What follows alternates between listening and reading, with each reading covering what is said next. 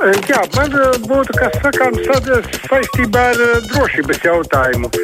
Es ļoti gribu atbildēt. Tāruņa numuru mūsu studijā 6722, 888, 672, 559, rakstiet mums uz adresi kruspunktā, Latvijas radio.clv. Varat arī sūtīt ziņu no mūsu mājaslapas. Klausītājs viesturs raksta, es domāju, ar Covid mums nāksies sadzīvot vienmēr kā ar veibakām vai kašķi. Tas vienkārši būs mums blakus un ik pa laikam kāds saslims. Nu, redzēsim varbūt tā slimība transformēsies, varbūt kļūs vieglāk pārslimojama, bet nu, tas, kā ir tagad, tas nav diez cik optimismu viesošs. Vilis raksta, ka pēc tiem diplomātiem reklāmas afišās skats ir kā bandītiem. Uja, nu, viņi vienkārši tā ļoti azartiski tās diplomātiskās pusdienas veido. Klausītājs zvana Halā! Labdien! Atmodas sākumā bija ļoti populāri cīnīties par tīru vidi. Par to drošāk varēja runāt nekā par nacionāliem jautājumiem. Un atceros, bija tāda karikatūra, ka korespondents pratina rūpnīcas direktoru, saka, kāpēc tāda netīra upe, tas jūs piesārņojāt upi, un direktors saka, nē, te tās beigtās zīves, viņas tot ar vēderiem uz augšu pūst, un tāpēc, lūk, upe ir netīrs ūdens, bet mūsu rūpnīca ne pie kā nav vainīga, tā tad apgriež cēloņus ar sekām, kāpēc es to stāstu. Tā arī Māra Jansone saka, lūk, Aivars, noblakējot divas telefona līnijas un cilvēki nedabūjot piezvanīt. Bet no, nelaime jau ir tā, ka ja jau uzreiz palaiž runāt, tad viņš nekādas divas līnijas neblokē. Bet ja viņam speciāli neceļ klausuli, lai viņš netiktu pie vārda, tad viņš ir spiests vienu līniju otru, kamēr pēc kādas desmitās reizes viņu beidzot palaiž. Un tā, ka ja kāds ir jāvaino, tad diemžēl mūsu pašu raidījuma veidotāji, kuriem nepatīk demokrātija. Tas ir viens un otrs par Covid runājot. Nu, mēs tagad redzam, ka visās Baltijas valstīs ir situācija apmēram vienāda. Nu, lūdzu, valdība apdomājieties un beidziet spīdzināt pierobežu iedzīvotājus gan vienā, gan otrā pusē un ļaujiet atkal brīvi pārvietoties, jo tas neko nemainīs. Jau vajag, lai jau nesā tās maskas, bet kustēties vajag raut un nerakstīties ar kādu pašizolāciju. Tā pašizolācija ir izdomāta tikai tāpēc, lai varētu piesieties un iekasēt soda naudu, ja kāds to neievērot. Paldies. Nu, gluži tā nav, ka Lietuvā un Igaunijā būtu situācija kā pie mums. Mums tomēr saslimstība ir divreiz mazāka. Ja rēķina uz 100 tūkstošu cilvēkiem. Elīna raksta, kāpēc ejot uz veikalu nav jāliek maska, kur ir loģika, autobus, autobusos vajās, bet veikalā nē. Nu, veikalā parasti neuzturas tik daudz cilvēku ilgstoši, ja vien nav jāstāv kādā ļoti garā rindā. Enija raksta vakar LTV1 iztaujāja ģirķenu, bet neuzdeva vienu pēc manām domām svarīgu jautājumu, vai no skapja izvilktajiem jaunajiem policijas priekšnieku kandidātam ir veikta melu detektoru pārbauda. Pārējie kandidāti, kurus atlasīja speciāla komisija, taču veica šo aizvainojošo pārbaudi. Vispār jautājums vietā, tas ir interesanti, gan jau, ka viņam kāds arī to paprasīs, bet par jauno izvēlēto policijas priekšnieku amata kandidātu, droši vien, ka mēs runāsim piekdien arī žurnālistu diskusijā. Klausītājs zvana Halā. Es gribētu nedaudz pateikt par uh, Gedraitas pārstāvētu avīzi DDD. Te pēdējā numurā ir interesants deputāts Lins Liepiņš raksts. Es gribu saukt uh, Covidu par afēru. Tur no liep, deputāta Liepiņa raksta, ka nu, maskas viņa nelikšot, jo no tā cilvēks tur dumjāks paliekot tikai.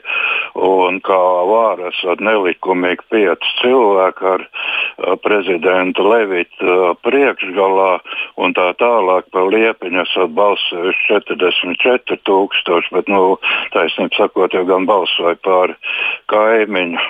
Pēc tam ir arī tāda imanta okupantu liepiņa raksts pirmajā lapā par zābaku bučošanu okupantiem, bet, nu, bet kas tie okupanti tiesotais jūras un tie galvenie bučotāji esot uh, jaunā konservatīvo partija. Bet jūs nākošais pajautājiet Gedroicam, viņš tik daudz zina par to Covid un par visu to Trumpu, bet kāpēc tad ir tajā Daugavpilī tik viss vairāk tie, tie slimnieki? Varbūt, ka tu var varēs tas Gedroics pateikt.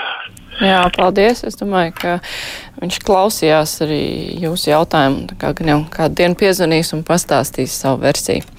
Klausītājs Vana Halā. Jā, labdien. Labdien. Tur arī dzirdēju pa uh, Latgalē pa veco cilvēku pansionātiem. Kāpēc tikai Latgalē piemēram, Rīgā es gribētu zināt, cik ir to, cik ilgs laiks tur jāgaida veciem cilvēkiem un kā soli nodrošināt mājas apstākļus, lai nebūtu jāpārvieto uz veco cilvēku pansionātiem. Bet smieklīgi maz maksā tiem sociālajiem darbiniekiem, kas tos vecos cilvēkus aprūpē. Tiem jādzīvo gandrīz pusbadā. Paldies! Jā, paldies. Nu, taisnība, jā, arī par to ir jāstāsta. Silvija raksta, vakar kļuva pilnīgi skaidrs, kādas ir valdības prioritātes pandēmijas ierobežošanas sakarā. Par to izteicās veselības ministre. Prioritāte bija kafejnīcas un krogi, tad teātris, bet skolas tikai trešajā vietā. Vai tā nav nodevība šī attieksme pret bērniem, vai mūsu valdības zina, kas ir sirdsapziņa, vai Ugam Dumpim ir pavēlēts neiejaukties, vai tiešām valdība ir tik akla, ka neredz, kas notiek visapkārt, liekas, ka nevēlas redzēt, gaida, ka tik kāds turistiņš ierastos ar dāvaniņām. Nu, skolas jau nav pēdējā vietā.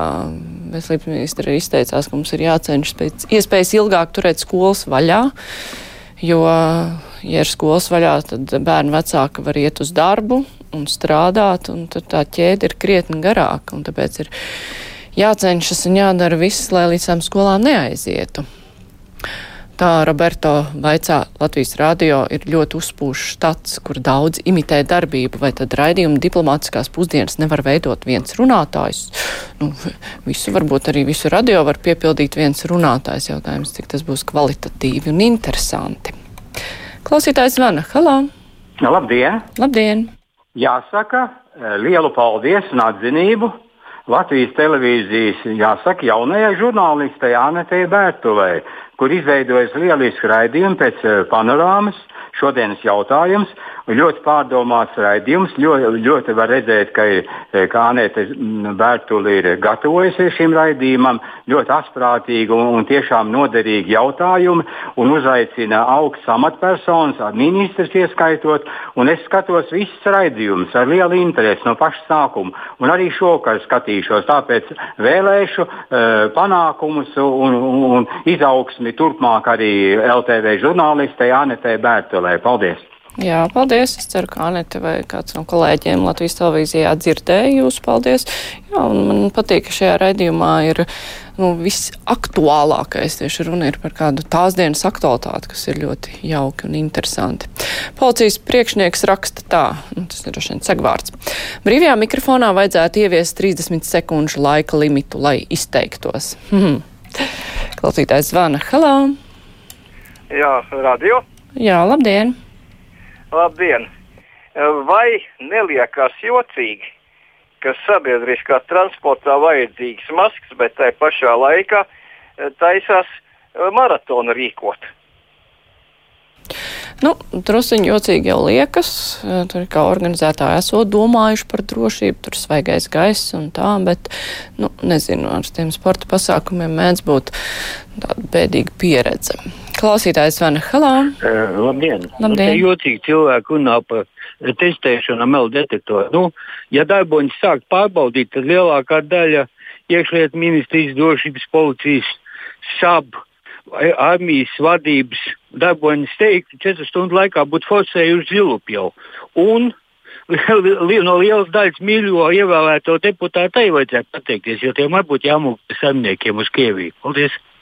Paldies par zvanu. Tā Kārlis raksta, Trumps joprojām veic uzrunas, mokās ievilkt gaisu un nevalkā masku staigājošu bioloģiskais ierocis. Bet Sabīna raksta, Trumps pateicis, ka Covid nekas traks nav pēc pieredzes, tikai Trumps aizmirst pieminēt, ka ne jau visiem ASV iedzīvotājiem ir pieejama tāda veselības aprūpe kā Baltā nama pārstāvjiem. Un arī saslimšana ir dažāda dažādiem cilvēkiem. Un, jā, tas izteikums par interesanto pieredzi arī bija diezgan kas diezgan dīvainas. Gunta raksta, man arī prieks par Anetu Bērtuli, kur skatītāju acu priekšā izaugus par prasmīgu žurnālisti. Viktorija raksta, labdien, man kāds paziņa teica, ka cietumā esot 25 saslimuši ar covid-19. Vai ir kas zināms radio? Viktorija. Nevajag ticēt varbūt visam, ko stāsta paziņa. Vispirms eh, jānoskaidro, kāda ir oficiālā informācija, un tad var nodot to tālāk. Klausītājs Vana Halau. Labdien! Labdien! Man tāds ierosinājums, kāpēc tie, kas skatās televīziju, nevar zvanīt, lai televīzijā kāds numurs ir, uz kuru var zvanīt. Kāpēc viņiem jāzvan uz radio un jākritizē televīziju? Nu, lūdzu, zvaniet tad uz televīziju un stāstiet tur, tieši kam tas ir vajadzīgs. Tad radio brīvajā mikrofonā. Jā, paldies. Brīvajā mikrofonā jau runā ne tikai par radio lietām, bet arī par citām lietām, kas ir nu, tajā brīdī šķiet aktuāls un ļoti jauki, ka Latvijas televīzijas kolēģi saņem labus vārdus par tiešām labo raidījumu. Tā klausītājs Ivars saka, uzaiciniet lūdzu interviju kādreiz Daugavpils Aivaru, lai taču cilvēks tiek uz tribīnas vienreiz mūžā. Nu, nezinu, nezinu. Raimons saka, vakar kāds ziņas kanāls skaidroja Covid-19 fragmentācijas pasākums Vācijā. Tur neviens ceļojot starp novadiem var nākties sēdēt karantīnā, bet pat Berlīnē nonākot Covid uh, slimākā priekšpilsētā jāievēro karantīna. Turisms, ja nepratīs mainīsies, tad, diemžēl, nav reanimējams vecajā izskatā. Jā, paldies par komentāru, un tas attiec uz mūsu nākamās stundas tematu par turismu, kāda ir tā nākotne un kā palīdzēt šai nozarei. Un varbūt arī jā, kā pašai tai ir jāmainās. Bet tas būs mūsu sarunas temats nākamajai stundai. Tagad brīvais mikrofons izskan. Paldies klausītājiem par interesi zvaniem un rakstiem, bet tagad klausieties ziņas, pēc tam atgriezīsimies raidījumā kruspunktā.